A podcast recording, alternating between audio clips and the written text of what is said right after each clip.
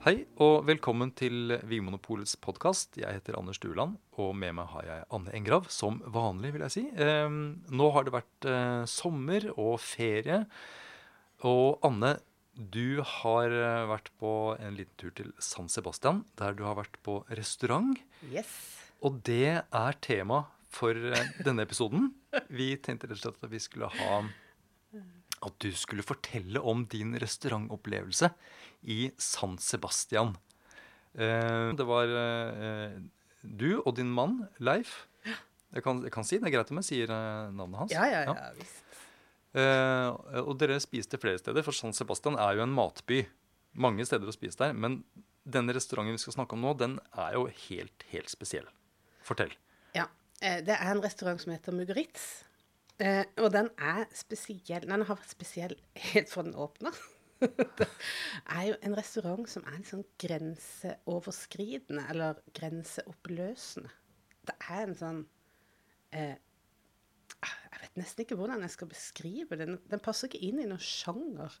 Men det er en topprestaurant. Den blir regnet som en av verdens beste restauranter. Og jeg har sett masse sånne små filmsnutter på YouTube fra han her eh, som er liksom hjernen bak den restauranten. da. Han heter eh, Adoni Luis Auritz. Bare for å ha sagt det. Ja, Og eh, Flott navn. flott navn. Mhm. Og alt det han forteller og klarer å formidle, hva han tenker og vil med denne maten, har gjort at det har vært en veldig sånn magnetisk kraft på meg. da. Ok, så du, eh, du har sett videoer med denne Adoni, Ja. eh, og, så, eh, og det var det som fikk deg til å tenke at dette er et sted som jeg har lyst til å dra til. ja, spennende. Sånn har ingen snakka om mat før. Nettopp. Um, og dette var da en eh, 50-årsgave til, Til Leif. til Leif. Ja, ja. Og var Leif også interessert i dette? Eh, ja, absolutt. Eh, det var jo mitt eh, påfunn, da. Det var jo en gave, så han visste jo ikke om det. Men eh, ja, helt klart. Han er jo også veldig interessert. Eh, og det er en restaurant som krever at man er åpen. Men du sier at eh, denne restauranten er grenseoverskridende. Kan du si litt eh, hva, hva betyr det? Det betyr at den vil utfordre hvordan vi spiser, og hva vi spiser. På den måten at man skal liksom Det er ikke noe sånn treretter, forrett, hovedretter, dessert. Det er, det er liksom ikke eh, Råvarene er ikke gitt. Eh, hvert år har de sånn tre måneders kreativ fase der de utvikler retter. Og da er virkelig alt mulig. Både innenfor konsistens og råvarer og tilberedningsmetoder. Og alt er egentlig helt åpent. Så de har ingen sånn på en måte tradisjoner de knytter seg til, eller uh, retter, eller uh, Ja. Det, er, det er bare veldig åpent felt. Vi ante jo ikke hva vi kunne forvente oss. Så i, etter denne tre måneders med kreativ periode, så uh, ender de opp med en ny meny for sesongen. Ja. Og da er det den som kjøres da eh, gjennom hele sesongen, før en ny sånn tre måneders periode kommer. Og så får man OK. Det er sånn jeg har forstått det. Ja. Ehm, hva, hvordan eh, på en måte forbereder man seg til et sånt uh, restaurantbesøk? Hva slags uh, liksom, uh, Tok dere et glass vin på forhånd? Eller måtte- hvordan var, hvordan var stemningen? ja. Først så bestemte vi oss. Vi må ikke være for mette, for vi skal være sultne. Sult er den beste kokk.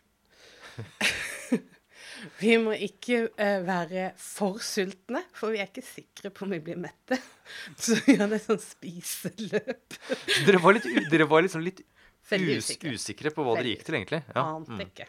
Ja. Uh, og vi bare sånn, hva skal vi ha på oss? Dette er en veldig dyr restaurant. Her kommer det jo sikkert millionærer, så de er sikkert superfine i klærne. Hva skal vi ta på oss? ja. Og så var det veldig varmt, så vi kan ikke ha på oss for mye. Nei. hva, hva endte dere opp med, da? Jeg endte opp med en, eh, en kjole. Mm. Men eh, ja, nei, det var, ikke, det var ikke noe glitter og fjas. Leif tok på seg linskjorte. Jeg Ja. føler han var veldig heldig med det, for det var helt likt på gardinene. Han matcha gardinene i restauranten helt perfekt. Men eh, dere skal altså da på en grenseoverskridende restaurant. Dere er litt usikre på hva som venter dere.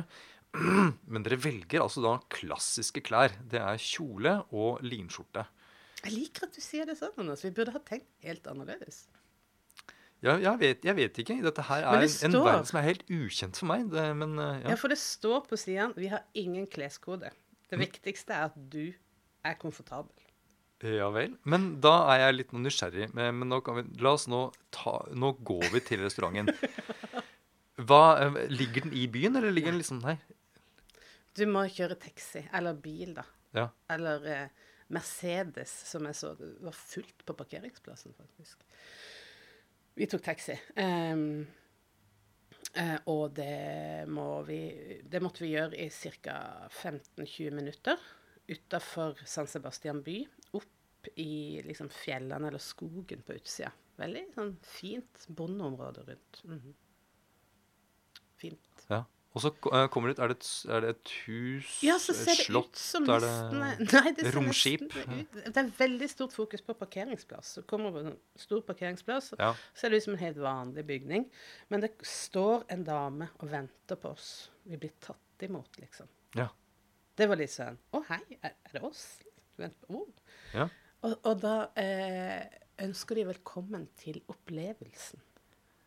Velkommen til Mugaritz-opplevelsen. Det er det hun sier. Den begynner nå.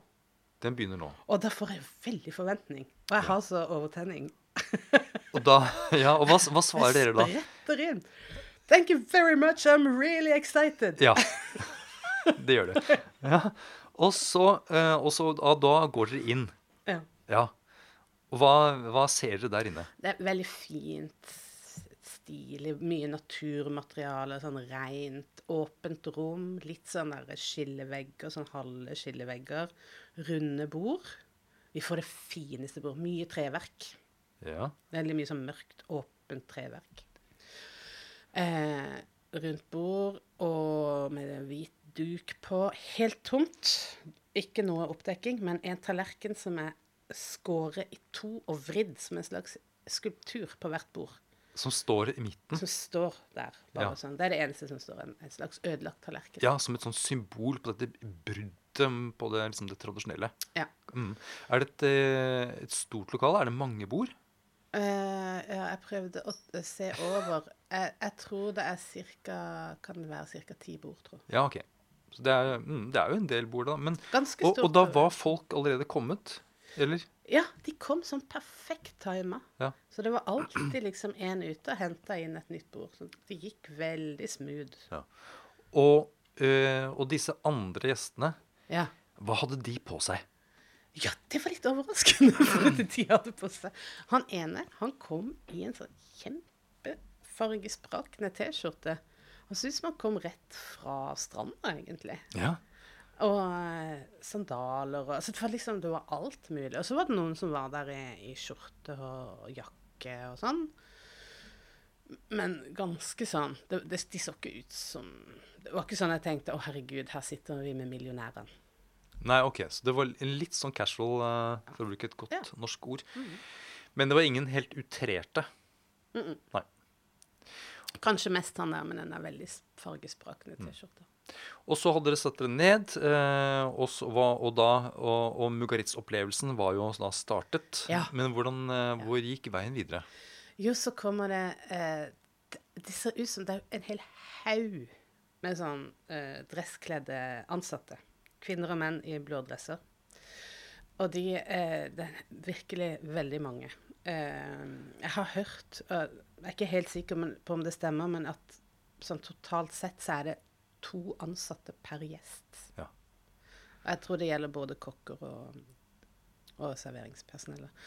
Men da, eh, de ser også veldig forventningsfulle ut. Så dette, det er med på å bygge opp min liksom, opplevelse. Og da kommer de med en liten rød bok til hver av oss. En sånn liten notisbok. Ja. Og en liten blyant til hver av oss. og da står det at det er en liten ordbok. Så det er eh, både eh, kulinariske begreper og andre begreper som skal gjøre oss forberedt til å takle Eller altså en liten dictionary for å klare å takle kulinariske utfordringer. Og da, um, og, hva gjør du og Leif da? går dere liksom litt nøye ja, ja. gjennom denne ordlista? Det er veldig spennende. Da har Ja. de tatt ut ulike begreper. Så kommer alt ifra liksom syre og sødme og, og, og sånne ting som vi er vant til å snakke om, og til mer sånn filosofiske begreper, nesten politiske begreper. Og, og alt er med på så Det hun forklarer det med, da, at dette er en ordbok med begreper som er ment å få dialogen i gang mellom dere. For hvordan vi eh, snakker om mat, hvordan vi snakker om sensorikk, og hvilken rolle mat har.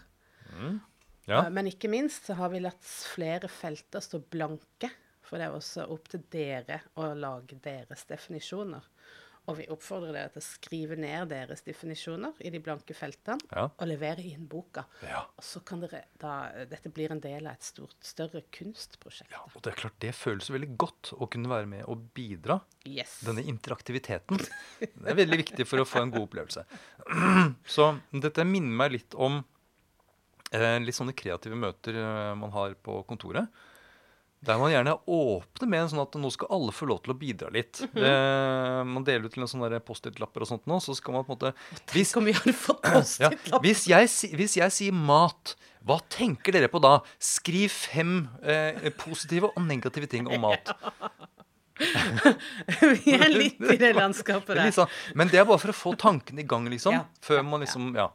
Og det var jo det som var poenget her. at man skulle Ja. liksom Men hvis du går inn og så ser Nå har jeg dessverre ikke den boka med meg, det var litt dumt. Men hvis du går inn og ser på noen av disse eh, begrepene, så er det jo også noen tydelig standpunkt her da, på at man ønsker å eh, åpne opp feltet på en veldig F.eks. mistake. Et starting point, Mm. ikke sant? Ja. Eh, ja. Eh, for å foregripe ja. Nei, nå blir det mye babbel. Eh, Vi må, nå må vi få oss noe litt mat. Når, eh, nå kommer første Er det er det, en, det er jo ikke en forrett. men Man bare begynner. Ja, ingenting er forrett. Første rett er altså eh, Ja, tre vent- vent retter på en gang. Har de Men hva med drikke? Jo, jo, jo. jo. Er det liksom Er det er noe dere bestemmer, eller er noe dere ja. er, Får dere bare det dere får? Vi får valgmulighetene. Ja. Eh, først så ber vi om et eh, glass cava. For det gjør man jo i Spania. Vi Ja. hadde mulighet til å kjøpe den, ja, men vi tenkte vi må teste ut cavaen her. Mm.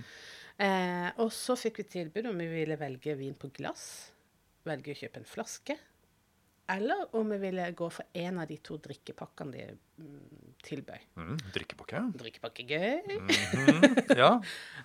And then you don't have to do anything. det er jo også en, Ja. et godt innsalg. ja. Og disse to drikkepakkene, hva var det for Eh, noe? Det ene var den spanske drikkepakka, mm. som Mugaritz hadde utvikla eh, sammen med eh, etablerte eh, vinmakere rundt omkring i Spania. Det skulle gi et overblikk over hele Spania. Ja. Alt fra Kanariøyene til eh, Mencia til Rioja, eller ja. Og som da selvfølgelig skulle være spesialtilpasset Ja. disse rettene. Som de hadde også vært med å liksom plukke ut i den kreative fasen. Ja. Eller den ikoniske drikkepakka, Mhm. som er da er viner fra 60-tallet og oppover eh, fra hele verden. Med viner som er vanskelig å få tak i Mm. for den gjengse personen. Spennende valg, det òg. ja. Dobbelt så dyrt, men ikke ekst. Ja, altså. Alt er relativt. Men det var mye vin i hver pakke, skjønte jeg jo nå etterpå, da.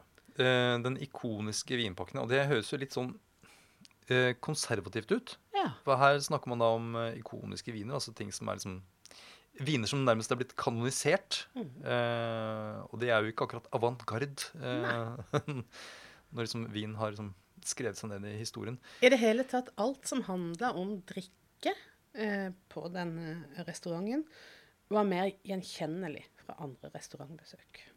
Nettopp. Så det var litt mer vanlig. Ja. Hva endte dere opp med, da? Hvilken vinpakke, eller Jo, hva? selvfølgelig for den spanske. Den spanske pakken. den spanske pakka. Ja. Sveip over Spania. Ja, ja men det det høres så smart ut, syns jeg. Ja. Jeg tror jeg kanskje jeg ville gjort det samme, faktisk. Ja. OK, da er jeg klar for første rett. Husk, altså, vi husker du alle kan- rettene? Vi kan nesten ikke gå gjennom alle, for det var Å, 22 retter. Hæ?! Det var 22 retter. Men det er jo ikke rett retter, sånn sett. Det er mer sånn, Han har beskrevet det som sånn kulinariske pinchos. Altså sånn bitte små eh, munnfuller, nærmest. Ja, for det er det lokale navnet på det vi kaller tapas. Ja. Er det? Mm, pinchos. Så eh, ja, altså Den første retten var veldig spennende, da. Så jeg kan godt forklare Ja, hva det var. For ja. det var tre sånne retter egentlig som kom samtidig. Eh, og det var Da fikk du rett og slett et lite herbarium. Da hadde de lagd papir. Først lagd papir som var ordentlig papir. Og så hadde de vært ute i denne nasjonalparken som Mugaritz ligger i, og plukka ulike urter. Og så eh, hadde de pressa det og limt det inn med vanlig teip. Så fikk den. Så jeg bare sånn OK, skal vi spise dette? Jeg var helt klar for å begynne å Ja, spise. for det så ut som sånn, sånn, sånn som man lagde på, på ungdomsskolen. Man samlet Ja, ja. lokale blomster og så Ja, presset Sånn det. Så det var litt sjarmerende. Eh, men det var ikke til å spise. Men var, det, var liksom, det viste var jo hvor åpen jeg var. Jeg Ja. bare OK, hvor begynner vi? Skulle ikke spise det. Men de hadde også lagd et spiselig papir med eh, pressa eh, urter inni dette papiret. Aner ikke hva det papiret var lagd av.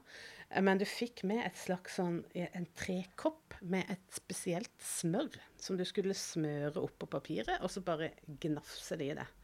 Og det var veldig spesielt, for du måtte tygge ganske godt for å få eh, strukturen til å løse seg opp. Og da smakte det som manchego. Ost. Så dette papiret med urtene sammen med det smøret Ja. gjorde at til slutt smakte manchego. Men som en litt sånn trådskorpe. Og det er jo litt spennende, for vi snakker jo ofte om at eh, osten kan smake av de urtene som Ja. sauene spiser. da. Ja, Så dette, det, det, det var litt gøy. Så knyttet Da liksom fikk vi en liten sånn ah, ja. Ja. Og så var det også en sånn het eh, aroma, aromatic brush. Ja. Og da var det en det, så ut, altså var en helt rund, hvit steinflat. Det så ut som en sånn palett, nesten. Ja, nå var det hvit, da.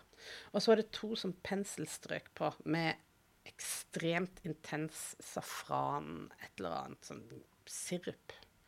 Og så lå det masse sånne her, eh, eh, kronblader oppå. Og så på toppen så lå det en sånn urtekvist. Eh, Hva heter denne urten? Jeg blander alltid rosmarin og, og Estragon. Nei, men den som har liksom litt lange rosmarin og den som vi bruker Timian. Ah, ja. ja. Den som har de lengste nålene.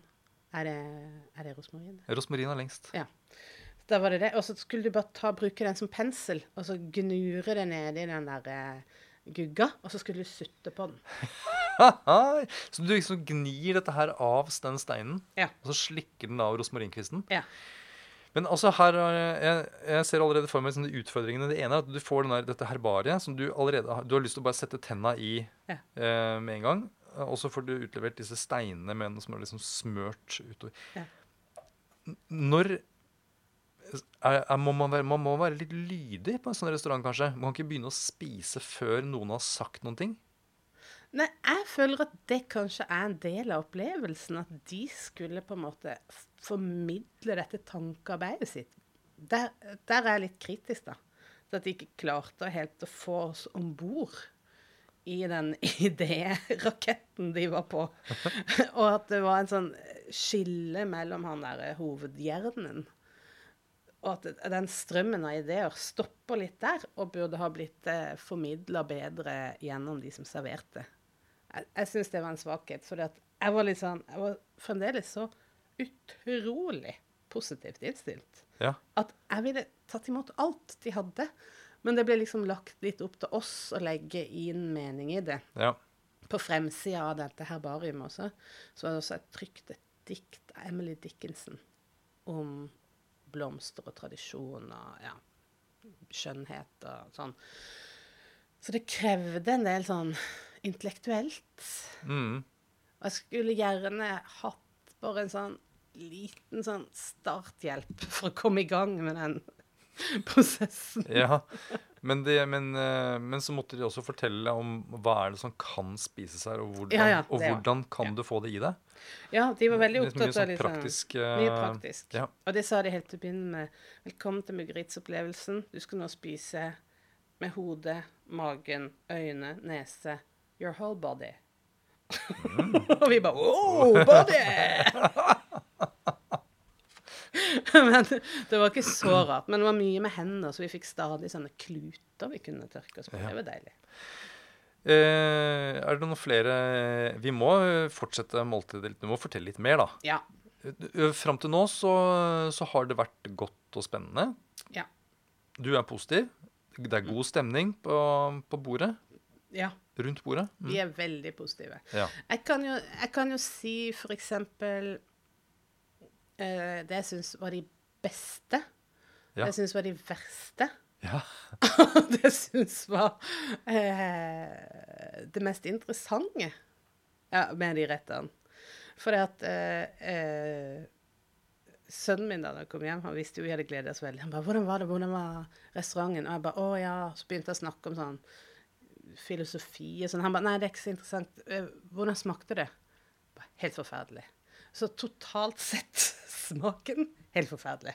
Er det sant? Totalt sett. Den kanskje dyreste restauranten jeg har vært på, Ja. den dyreste jeg har vært på. var kanskje også den vondeste.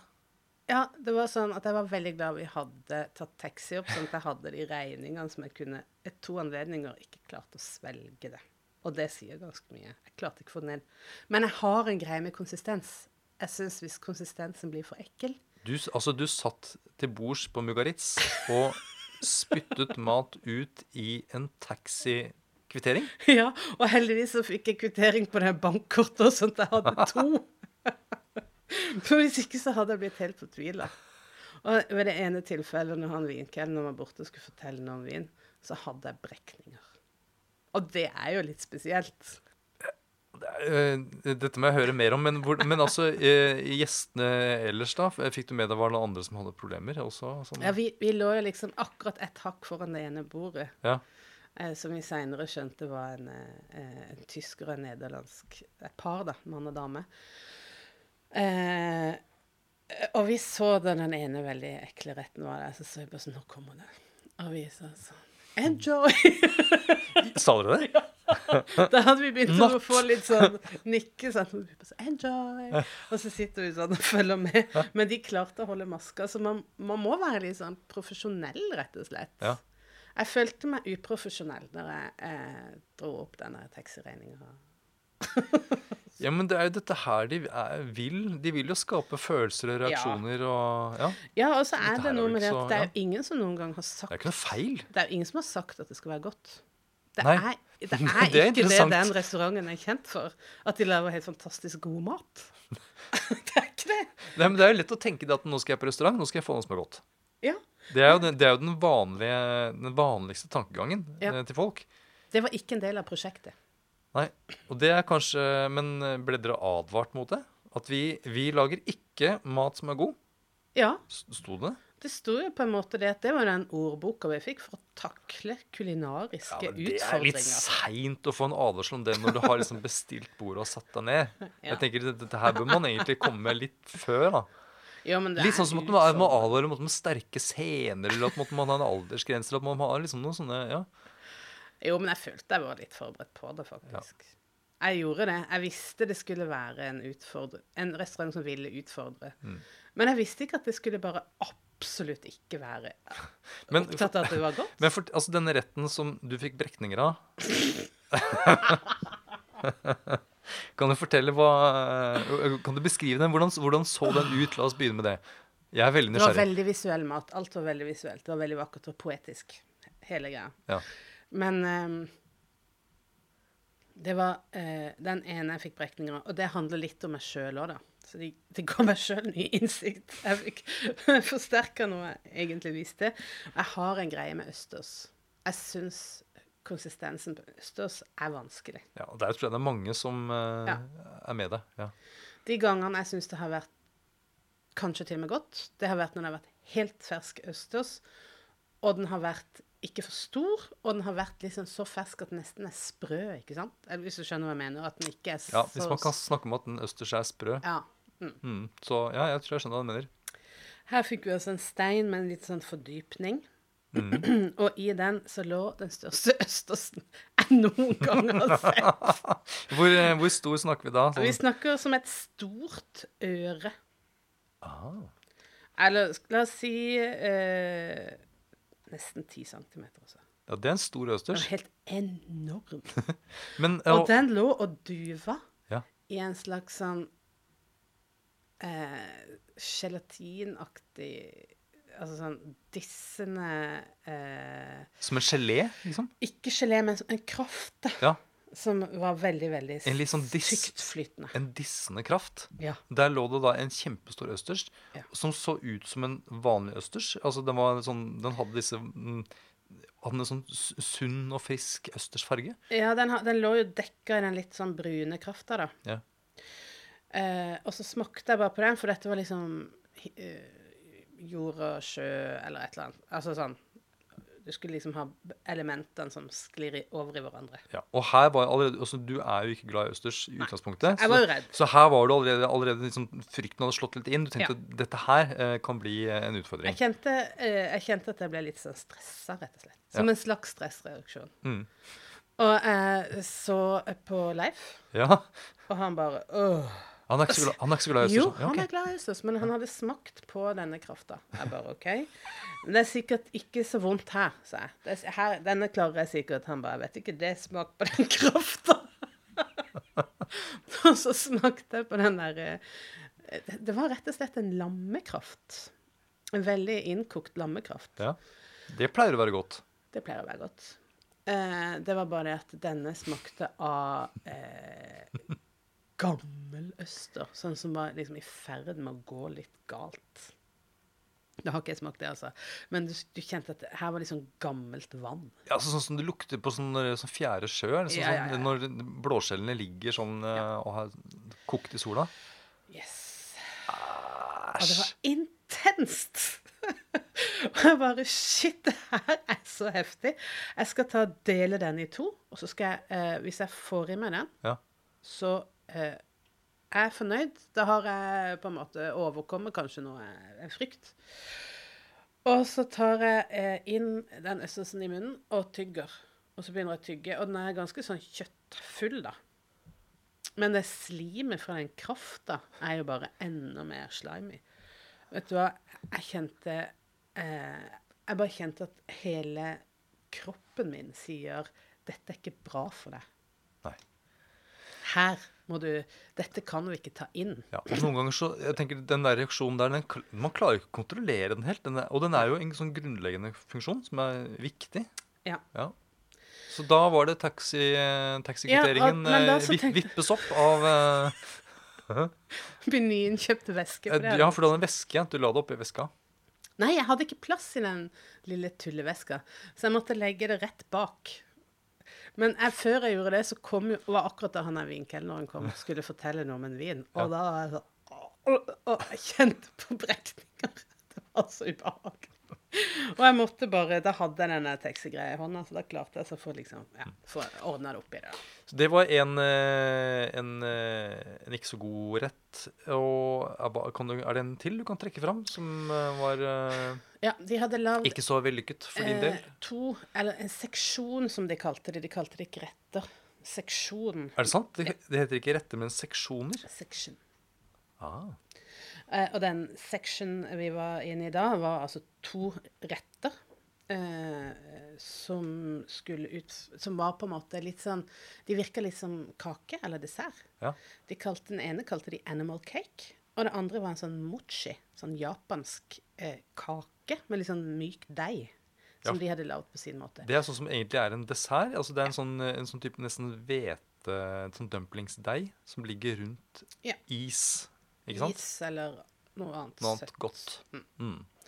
Jeg er jo veldig glad i det søte. ja. Men denne mochien her, den, det aner meg at ikke det var en eh, helt vanlig Nei, mochi. Nei, den deigen var ekstra løs. Så det igjen den der slimkonsistensen, altså. Det var noe det å satse på. Slim. I varianter. Ja. Eh, og så var det en, eh, et par frø med kardemomme på toppen. Så når jeg tygde på den, så bare utløste en sånn eksplosjon av kardemomme. Og, eh, så det var den over Altså, den virkelig dominerende smaken var kardemomme. Aromaen.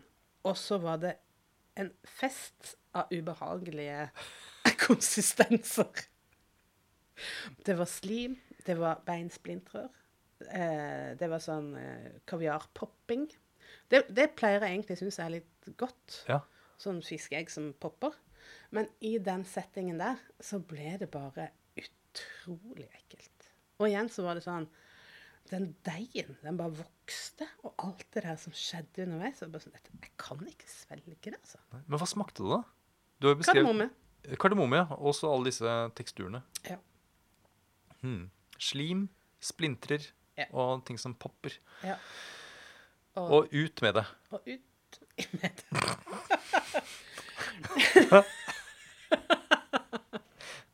Men en annen ting som Ja. var litt i samme leia, men som er akkurat bikka innafor til å være ha, gøy. Eh, det så ut som en eh, eh, halvsirkel, en helt sånn perfekt kule, halv kule, som lå på enden av en trepinne. Så du skulle bare ta den trepinnen inn med den kula. Og gjennom Den var en sånn gjennomskinnelig eh, materie den var lagd av. Og da så du eh, Du så omrisset av ørretrogn inni der. Å ja, ja. Og det forklarte de også. Dette er iberikofett og ørretrogn. Så de hadde fått samla iberikofett Mm. i en sånn perfekt halvkule og selga den med ørretrogn. Så når du tygde på den, så poppa det sånn virkelig sånn flotte, eh, store ørretrognpop. Eh, og den, det fiskefettet blanda seg med den Iberico-fettet. Og smaken av sånn skikkelig god skinke. Det var, veldig, det var veldig spennende. Det var veldig fett, og det var veldig deilig at man da hadde en utvikla cava som de satte til. Ja. Det var en veldig god match. Ja. Det, det ga mening. Eh, så det var igjen konsistens eh, og aroma, selvfølgelig, men det var mm, Det, det funka. Det høres ut som en rett som man kanskje kunne lage, lage hjemme. Nei, kanskje ikke helt. Um, ja, ehm, jeg har jo lagt merke til at eh, for noen år tilbake så var det veldig populært med skum Ja. på restauranter. Ja. Men vil du si at uh, vi nå er inne i en slimtrend? Ja, vi er kommet til slimets æra. Ja. Men en annen ting som også er veldig eh, i eh, Endelig, vil jeg si. Endelig kom slimet. Ja. en annen ting som kom eh, veldig, ble veldig klart for meg, da, var det at eh, Det er selvfølgelig estetikk, eh, men dette her med sånn mikrobiologisk liv Altså sånn bakterier, fermentering. Ja, det var, det, det var no, noe de brukte i var- eh, matlagingen. Ja. Bakterier, eh, rett og slett. Ja. Ja. Mm. Det er en del av det som de har på en måte på en fronta nå, at de er veldig opptatt av. ja. Og hvordan uh, Bakterier er jo veldig små. Eh, Hvordan vis, Visste dere eller skjønte dere at noe var bakteriemat? Ja, de forklarte det jo. Det, eh, det, var, det er liksom noe som er fermentert. Ja. For eksempel, vi fikk en, eh, et kirsebær som var fermentert. Vi fikk eh, eh, også en sånn eh, Det var en slags tolkning av en eh, spansk produkt som heter sobrasada. Som er en sånn grisepølse med smørbar pølse. Fleskepølse, nesten. Men med mye chili. Ja. Og pimenton og paprika og sånn. En sterk fleskepølse. En sterk fleskepølse. Mm. Eh, Som er veldig godt. Sobrasada er veldig godt. Eh, Det hadde de også lagd der, men uten kjøtt og helt vegansk. Ja. Og da hadde de for å lage skinnet, for å holde den på plass, da hadde de brukt bakterier. Jeg skjønte ikke helt Jeg skjønte ikke helt akkurat hvordan de hadde gjort det. ja men det ikke Men de hadde fått til å lage et skall. De hadde det sånn dyrket fram en sånn spesiell bakteriekultur som hadde blitt en sånn form for snerk, bakteriesnerk, Ja, ja. som de da hadde brettet rundt en fleskepølse Som, som, ikke hadde flesk. som ikke hadde flesk i seg. Men det var fermenterte tomater, da. Ja. Men den var veldig god. Så det var en god rett. Det var en kjempegod rett. Sammen med et surdeigsbrød, som jo også er en form for eh, i hvert fall sopp, da. Som har lagd surdeig og bakterier òg. Men smakte denne, denne pølsa Smakte det et fleskepølse, eller? Ja, det smakte jo fordi at mye av flesk, denne her sobrasadaen er jo en eh, krydderdominert. Så de hadde jo fått teksturen nesten helt lik, eller helt lik. Og smaken var jo de samme krydderne, men det var en sånn enda større dybde, syns jeg. Det var Ja. kjempegodt. Ja, det var veldig godt. Ja, det, var, det er jo hyggelig å høre at du har fått noen gode matopplevelser også. Eh, er det en Skal vi eh, unne oss én rett til-? Ja. Ja. Jeg vil gjerne da fortelle om uh, The Sake Handkerchief, som det het. Ja, for alle disse seksjonene hadde navn. Ja. Mm. Denne seksjonen het Now we are going to Japan. Og der fikk vi også da sake, selv om det ikke er spansk, selv om vi valgte den spanske drikkepakka. Fikk to ulike saker. Jeg syns jo det er veldig gøy med sake, så det var litt spennende. Og da hadde de virkelig gått inn i essensen sake. Hva er det? Hva smaker det? Og de presenterte det som at vi skal lukte smake sake. Ja. Vi skal spise det, vi skal se det, og vi skal drikke det. Fikk to ulike saker i glasset.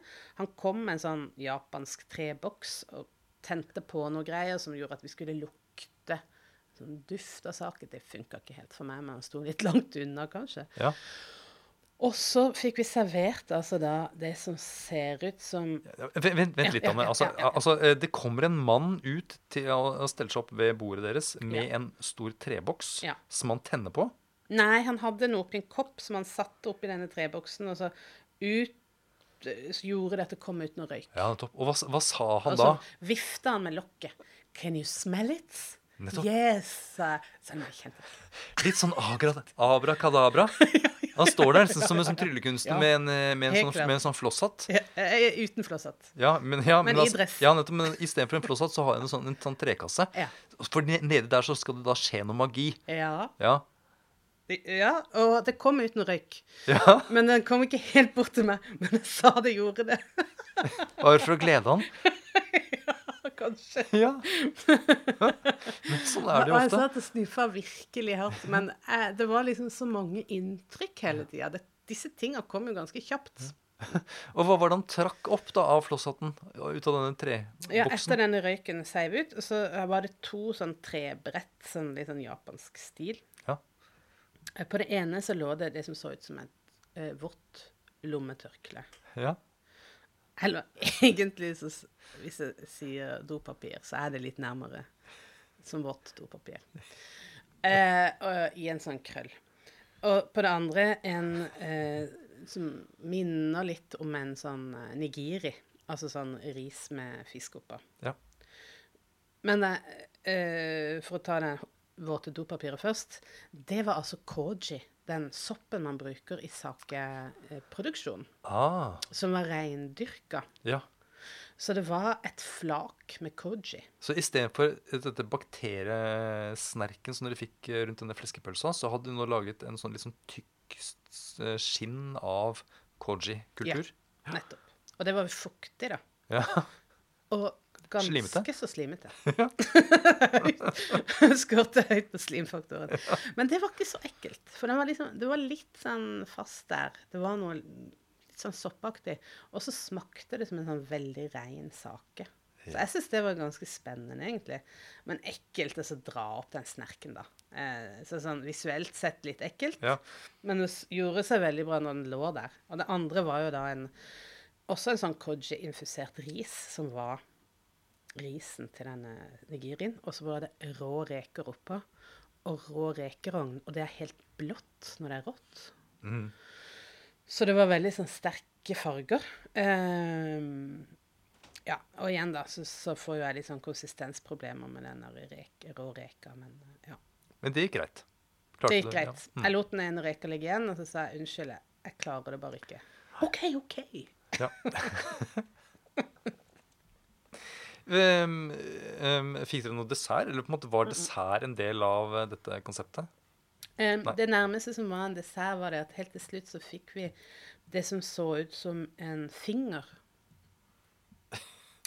lagd i gulrotpuré. En gulrotpuréfinger. Ja. Mm. en helt sånn uh, identisk finger. Avrevet finger. Og så en sånn blåmuggostdert. Så du skulle ta fingeren og så gni det i den blåmuggosten og så skulle du tygge. Og da var det også lagd sånn at det var bein i midten av fingeren. så det knaste. det var jo litt gøy, da. og en annen litt sånn menneskelig greie var at en av de første rettene det var en avstøpning av et ansikt. Ja. Eh, men oppå øynene så lå det masse kaviar blanda med pinjekjerner. Og en, et helt sånn hardt Det så ut som knekk. Som sånn solbriller. Vet du, sånn, bare en sånn brei stripe ja. oppå. Og så når de serverte det, så satte de det foran deg. Og det ble sånn Å, wow, det var et sterkt bilde. Noe som ligger oppå øynene, og det så liksom litt sånn guffent ut. Og så bretter hun servietten over, og så presser hun hånda så det knuser. det der eh, sprø beltet som på en måte ligger oppå øynene, Ja. knuser oppå. Ja. Og så skal vi spise det ut av øyegropa med de der bitene. Sterkt. Jøss. Eh, men eh, det var veldig godt. Ja. Eh, Pinjekjerner og kaviar, yes. To gode ting. To gode ting. Mm. Enda bedre sammen. Em, og underveis så har dere da hatt denne spanske vinpakka. Ja. Uh, og her er det grensesprengende mat. Var drikken like grensesprengende? Nei. Igjen så er det der de har eh, mest sånn gjenkjennelige trekk. Og det er kanskje litt deilig. Å, herregud, det hadde vært veldig slitsomt hvis det skulle være sånn hele tida. Hvis du skulle hatt slim i glasset. Ja. Det var jo så godt noen ganger. Så liksom, jeg kunne bare rense opp. Noen ganger fikk vi rødvin med litt tannin. Fikk en Rioja, selvfølgelig. Åh, kunne bare kjenne at det bare stramma opp. Plutselig fikk jo da tannin en helt annen funksjon. Ja. Tannin og slim, det kan vi nå si at det, Ja, det, er- har det noe for seg, faktisk. nydelig. Det er helt nydelig. Skal ha slim til middag. Eh, Ja, velg velg, ja. velg en litt sånn fast vin. Ja. ja, ok, så det var nesten en sånn liten eh, Det var litt sånn deilig å ha denne pausen, dette, dette trygge som eh, drikken da representerte. Egentlig. Men, Men jeg lurer også på, er det jeg tror Hadde, hadde, noe, hadde en post, altså denne tannin mot slim, for eksempel, da det er en positiv effekt, men hadde vinen noe å bidra med i, til denne maten? Nei, bare de som var veldig tydelige. Sånn som tydelig snerp mot slim. Godt. Eh, som eh, noen ganger bobler til det liksom feite. Det var også tydelig. Vi fikk en sherry som var til en sånn veldig sånn kaffedominert rett. Kjempegodt aromatisk, fordi det var så mm, på en måte likt i både intensitet og type aroma. Eh, så det måtte være veldig tydelig for at det skulle ha noe sånn samspill. Og så var jo mesteparten av fokuset på maten. Og det var ganske korte øyeblikk. Takk Gud for det, i noen tilfeller. Men eh, det var jo liksom ikke sånn at du satt og så dvelte ved Nei. Maten lenge. Det var jo liksom ganske sånn umiddelbart. Men sånn, i teorien hadde det vært en like mm, eh, La oss kalle det god eller spennende middag ja, om du hadde drukket vann til, f.eks., eller boble. Altså på en måte Jeg måtte ha boblevann. Jeg, jeg tror jeg ville hatt Vi fikk jo vann hele tida. Ja. Jeg drakk ganske mye vann. ja men det jeg lurer på, er liksom Er vin nødvendig for å få denne spesielle matopplevelsen? Eh, nødvendig Kanskje ikke nødvendig, men jeg følte det ga noe ekstra. Ja. Og jeg syns kanskje han som presenterte vinene, var den som på en måte hadde den mest sånn eh, tydelige historien å fortelle. Da. Mm. Han kunne jo liksom settes inn i noe mer, liksom hva de hadde ønska med dette. Og de snakker ikke så mye om kombinasjoner. De snakker mer om ja, eksempel at de, Det var jo noe grenseoversprengende med det hvis man er veldig konservativ vinentusiast eh, og veldig opptatt av dette med eh, regler innenfor hver region og sånn. Så her var det jo mye sånn druer på tvers av eh, regioner som var blanda sammen. At det var produsert i en region og, lagra i en annen region, eller mindre kjente. Så de utforsker jo litt mulighetene innenfor vinverden. Ja, så litt rampete, Litt rampete, Mm. men ikke voldsomt. men fremdeles lett gjenkjennelig som vin. Ja, Ja. absolutt. Og det var fremdeles litt sånn musserende hvitvin, Ja. rødvin. Ja, Så fikk ikke den alkoholfritt? Nei. Nei? Ikke engang tilbud om det. Det overraska meg litt. Ja. For det er jo sånn andre sånn superrestauranter jeg har vært på, så har jo det vært et sånn eget eh, valg Mm. å kjøre sånn drikkepakke uten alkohol. Og så eh, Hvor lang tid brukte dere på dette? Tre timer. Tre timer? Ja. Tre timer Og ganske mye vin. Så jeg kjente at eh, Ja, det var nok. Det er også fascinerende at man er liksom at, eh, ja, ved en, Det tradisjonelle er jo å ha rusmiddelet i glasset ja. på restaurant. Ja. Eh, at man, man spiser mat som har på en måte næring og det er godt, og, og så har man rusmiddel i glasset. Ja. Men og den tradisjonen den kjørte man her også. ja. Men jeg tror nok kanskje i den kreative fasen Ja. så har de vært Har de vurdert innom andre? noe sånn psykedelika. ja. Men det er kanskje å ta det litt for langt, ja. ja Jeg tror ikke de tilbød det til gjestene. Men eh, tre timer og over. Eh, og dere takker for takkmaten, eller på en måte hvordan eh, Traff dere han der sjefen, forresten? Nei, jeg hadde jo veldig lyst til det. da. Ja. Var han der? Vet Nei, ikke. det er ikke noe man vet, nei. Så jeg så ikke kjøkkenet. Jeg har sett de kjøkkenet på sånn øh, eh, Ja, sånn YouTube-klipp og sånn. Ja. Men det var ikke i nærheten av det. Nei. Og så gikk dere eh, Ja, men hun sa riktignok hun dama som fulgte seg ut. Da var jeg på do. Jeg, for jeg syns det er gøy å gå på do på sånne steder, for det er gjerne litt sånn uh, Ja. Noe ekstra. ja, fortell. Det var ikke det. Nei. Det var ikke det. Jo, det var én ting som var veldig spesielt. Ja. Dopapiret var farga svart. Nei! Ja. Det var svart dopapir. Er det litt ekkelt? Er det litt ekkelt? Jeg vet ikke helt. Og så eh, hadde de sånn ute Altså, det sto på disken liksom når vi vasker hendene og sånn. Så sto det sånn alle sånn kvinneprodukter, Ja. men også eh, tannbørste. Jeg bare Herregud, gjett om jeg skal ha Mugaritz-tannbørsten. Den dyreste tannbørsten jeg noen gang har hatt. Så jeg har eh, Mugaritz-tannbørste der. ja. Kult. Og mens jeg var der, så sto hun eh, dama og snakka med Leif, da, og hun sa sånn Ja, takk for i dag, håper vi ses igjen. Eller Ja, vi gjør jo Vi er jo ikke akkurat vant til at folk kommer igjen. Hun sa eh, noe som på en måte at dette her er et sted du kommer én gang. Ja. vi pleier jo ikke Vi er ikke stamgjester her. Nei. Men uh, for all del, hvis du har lyst, så ja. Ja. uh, var det noen form for debrief? Tok de kontakt med dere etterpå? for å liksom, eh, Fikk dere som spørreskjema? Hva syns du om vår opple din opplevelse? Eller snakket dere med andre gjester etterpå? Vi hadde veldig lyst til det. Ja. Vi prøvde jo å få kontakt med den uh, tyske og nederlandske paret, da. Ja. Uh, for å ta taxi ned. Bare for å liksom uh, Vi hadde jo vært gjennom akkurat det samme. Det var jo en ja, både påkjenning og opplevelse og alt. Men de skulle ikke den samme retninga. Så de var akkurat borte. Så vi fikk ikke snakka med noen andre. Men vi gikk på bar. Tok en øl. ja. Og bare herregud, ja. Fikk lyst på chips. Noe sprøtt. ja. Men eh, det var i hvert fall sånn at eh, dere hadde fått så mye inntrykk at dere måtte eh, ta en fot i bakken. Ja, Ja. måtte det, altså. Og sånn, Det veksla mellom det der ekstremt åpne og eh, veldig positive til å begynne med, til eh, Det er bare sånn åh, shit, nå, nå, nå er vi lurt. altså Nå er det noen som lurer oss, og så prøver de å fortelle at vi er, de er smarte. vi fikk de som en frossen eplebit. Da var det sånn jeg bare, Nei, kom an, da. Dette gidder vi ikke. Men eh, eh, når jeg sitter igjen etter å ha liksom fordøyd, bokstavelig talt, så, eh, så er jeg veldig glad for at vi dro dit. Ja. Jeg syns det var kjempespennende. Ja. Det har satt i gang masse tankeprosesser. Og eh, ja, det var til tider grusomt ekkelt. Men det var jo en skikkelig opplevelse. Det var jo kunst.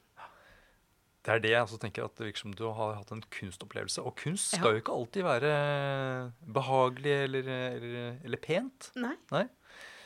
Eh, nei, men, eh, og en ting jeg har lært, er at eh, slim, det er, det er på vei eh, inn. Kanskje det er noe som blir litt vanlig etter hvert.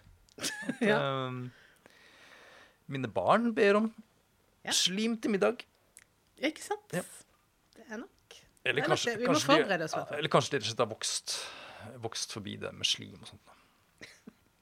Tusen takk for at du delte dine gode og dårlige opplevelser, eh, Anne. Helt til slutt, eh, hvis du skulle liksom, eh, gi en, en terningkast til Åh, den er vrien. A for effort, er det ikke det du sier? Ja, Nei, det er altså Nei, vet du hva, det klarer jeg nesten ikke uten å dele det opp i ulike på en måte temaer. ja. Det blir for eh, sammensatt å kunne gi ett terningkast. Nei, det, det skjønner jeg. Og jeg, jeg, jeg skal avsløre det at jeg har vært inne på TripAdvisor. Ja. Eh, for der ligger jo Mugaritz, selvfølgelig, og det er ganske mange som har anmeldt Mugaritz. Og det som er så fascinerende, er at 600 omtrent har gitt full score, og 300 omtrent har gitt bånd. Og så er det veldig få som ligger i dette mellomsjiktet. Så det virker som det er et, altså en opplevelse som eh, Ja, det er, du, du må liksom Det setter i gang følelser, da. Og så er det da eh, enten så liker du det, eller så liker du det ikke. Og ja. Det høres ut som du både har hatt eh, terningkast 6 og terningkast 1 underveis. ja. Det er riktig. Mm. Jeg setter pris på jobben jeg gjør. Takk for at du hører på Vinmonopolets podkast. Har du forslag til et tema i podkasten? Send mail til podkast at vinmonopolet.no. I tillegg svarer kundesenteret deg på e-post, chat og telefon.